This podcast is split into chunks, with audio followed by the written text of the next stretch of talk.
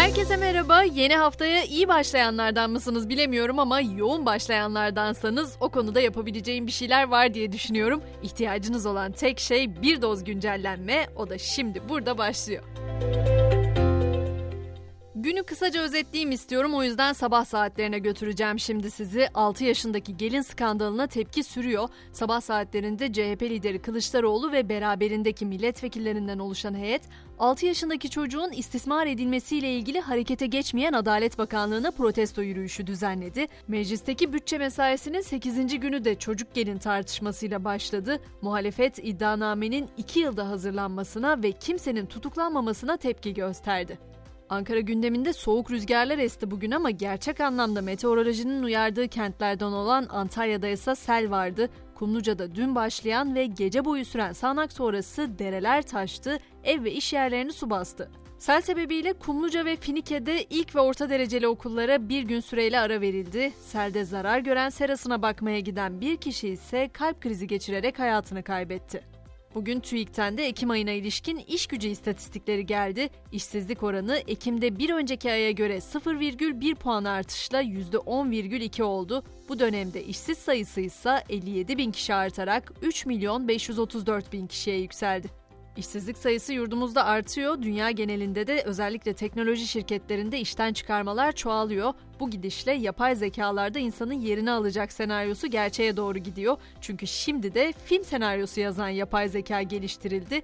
Dramatron adlı yapay zeka yazılımı tiyatro oyunları, filmler veya diziler için başlık, karakter tanımları ve diyaloglar üretiyor. Yani bir nevi senaryo yazıyor. Yazarlar böylece Dramatron'un önerilerini derleyip, düzenleyip yeniden yazarak kendi senaryolarını oluşturabilecekler. Değişim beklediğimiz İran'a baktığımızda ise infaz haberleri gelmeye devam ediyor. Protestocuların yaşamları hızlı kararlarla sonlandırılıyor. İran, Mahsa Amini protestoları ile ilgili ikinci infazı gerçekleştirdi. Meşet'teki gösteriler sırasında tutuklanan ve ölüm cezasına çarptırılan 23 yaşındaki Macit Rıza Rahnavart bu sabah idam edildi.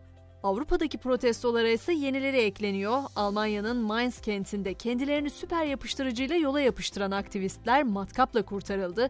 Grup üyeleri daha düşük hız limiti ve sübvansiyonlu toplu taşıma biletleri talep ediyordu ama onlar yasa dışı toplanma ve mala zarar verme suçlarından yargılanacak.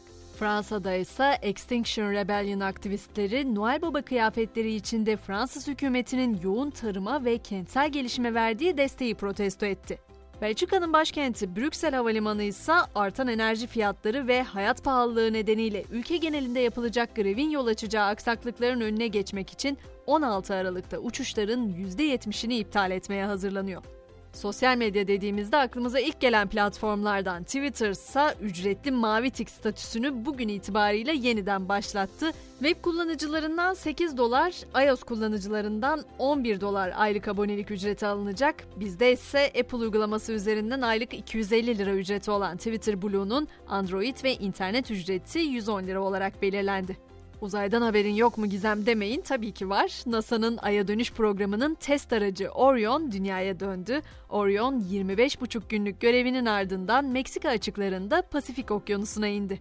Spor dünyasında ise artık Katar'da düzenlenen Dünya Kupası'ndan yavaş yavaş dönen futbol severler var biliyorsunuz. İngiltere'de yetkililer kupadan dönen futbol severlere deve gribi hastalığına karşı uyarıda bulundu. Yüksek ateş, öksürük ve kusma gibi belirtilere karşı dikkatli olmaları çağrısını yaptı. Ve artık yarın yarı final karşılaşmaları başlıyor biliyorsunuz Dünya Kupası'nda. Yarın ve çarşamba günü bu karşılaşmalar yapılacak. Sonrasında ise final maçı gelecek. Dünya Kupası'nda yarı final ve final maçlarında kullanılacak top da futbol severlere tanıtıldı. Türkçe'de rüya anlamına gelen Alhim isimli top Fransa Fas ve Arjantin Hırvatistan maçlarıyla final maçında kullanılacak. Bu rüya top offside kararlarını daha hızlı ve daha doğru vermeye yardımcı olan iletişim teknolojisine sahip. Bu haberle birlikte Podi ile akşam güncellememizi de noktalamış olalım. Yarın sabah 7 itibariyle ben yine buradayım. Sizi de bir doz güncellenme için mutlaka bekliyorum. Görüşünceye kadar hoşçakalın.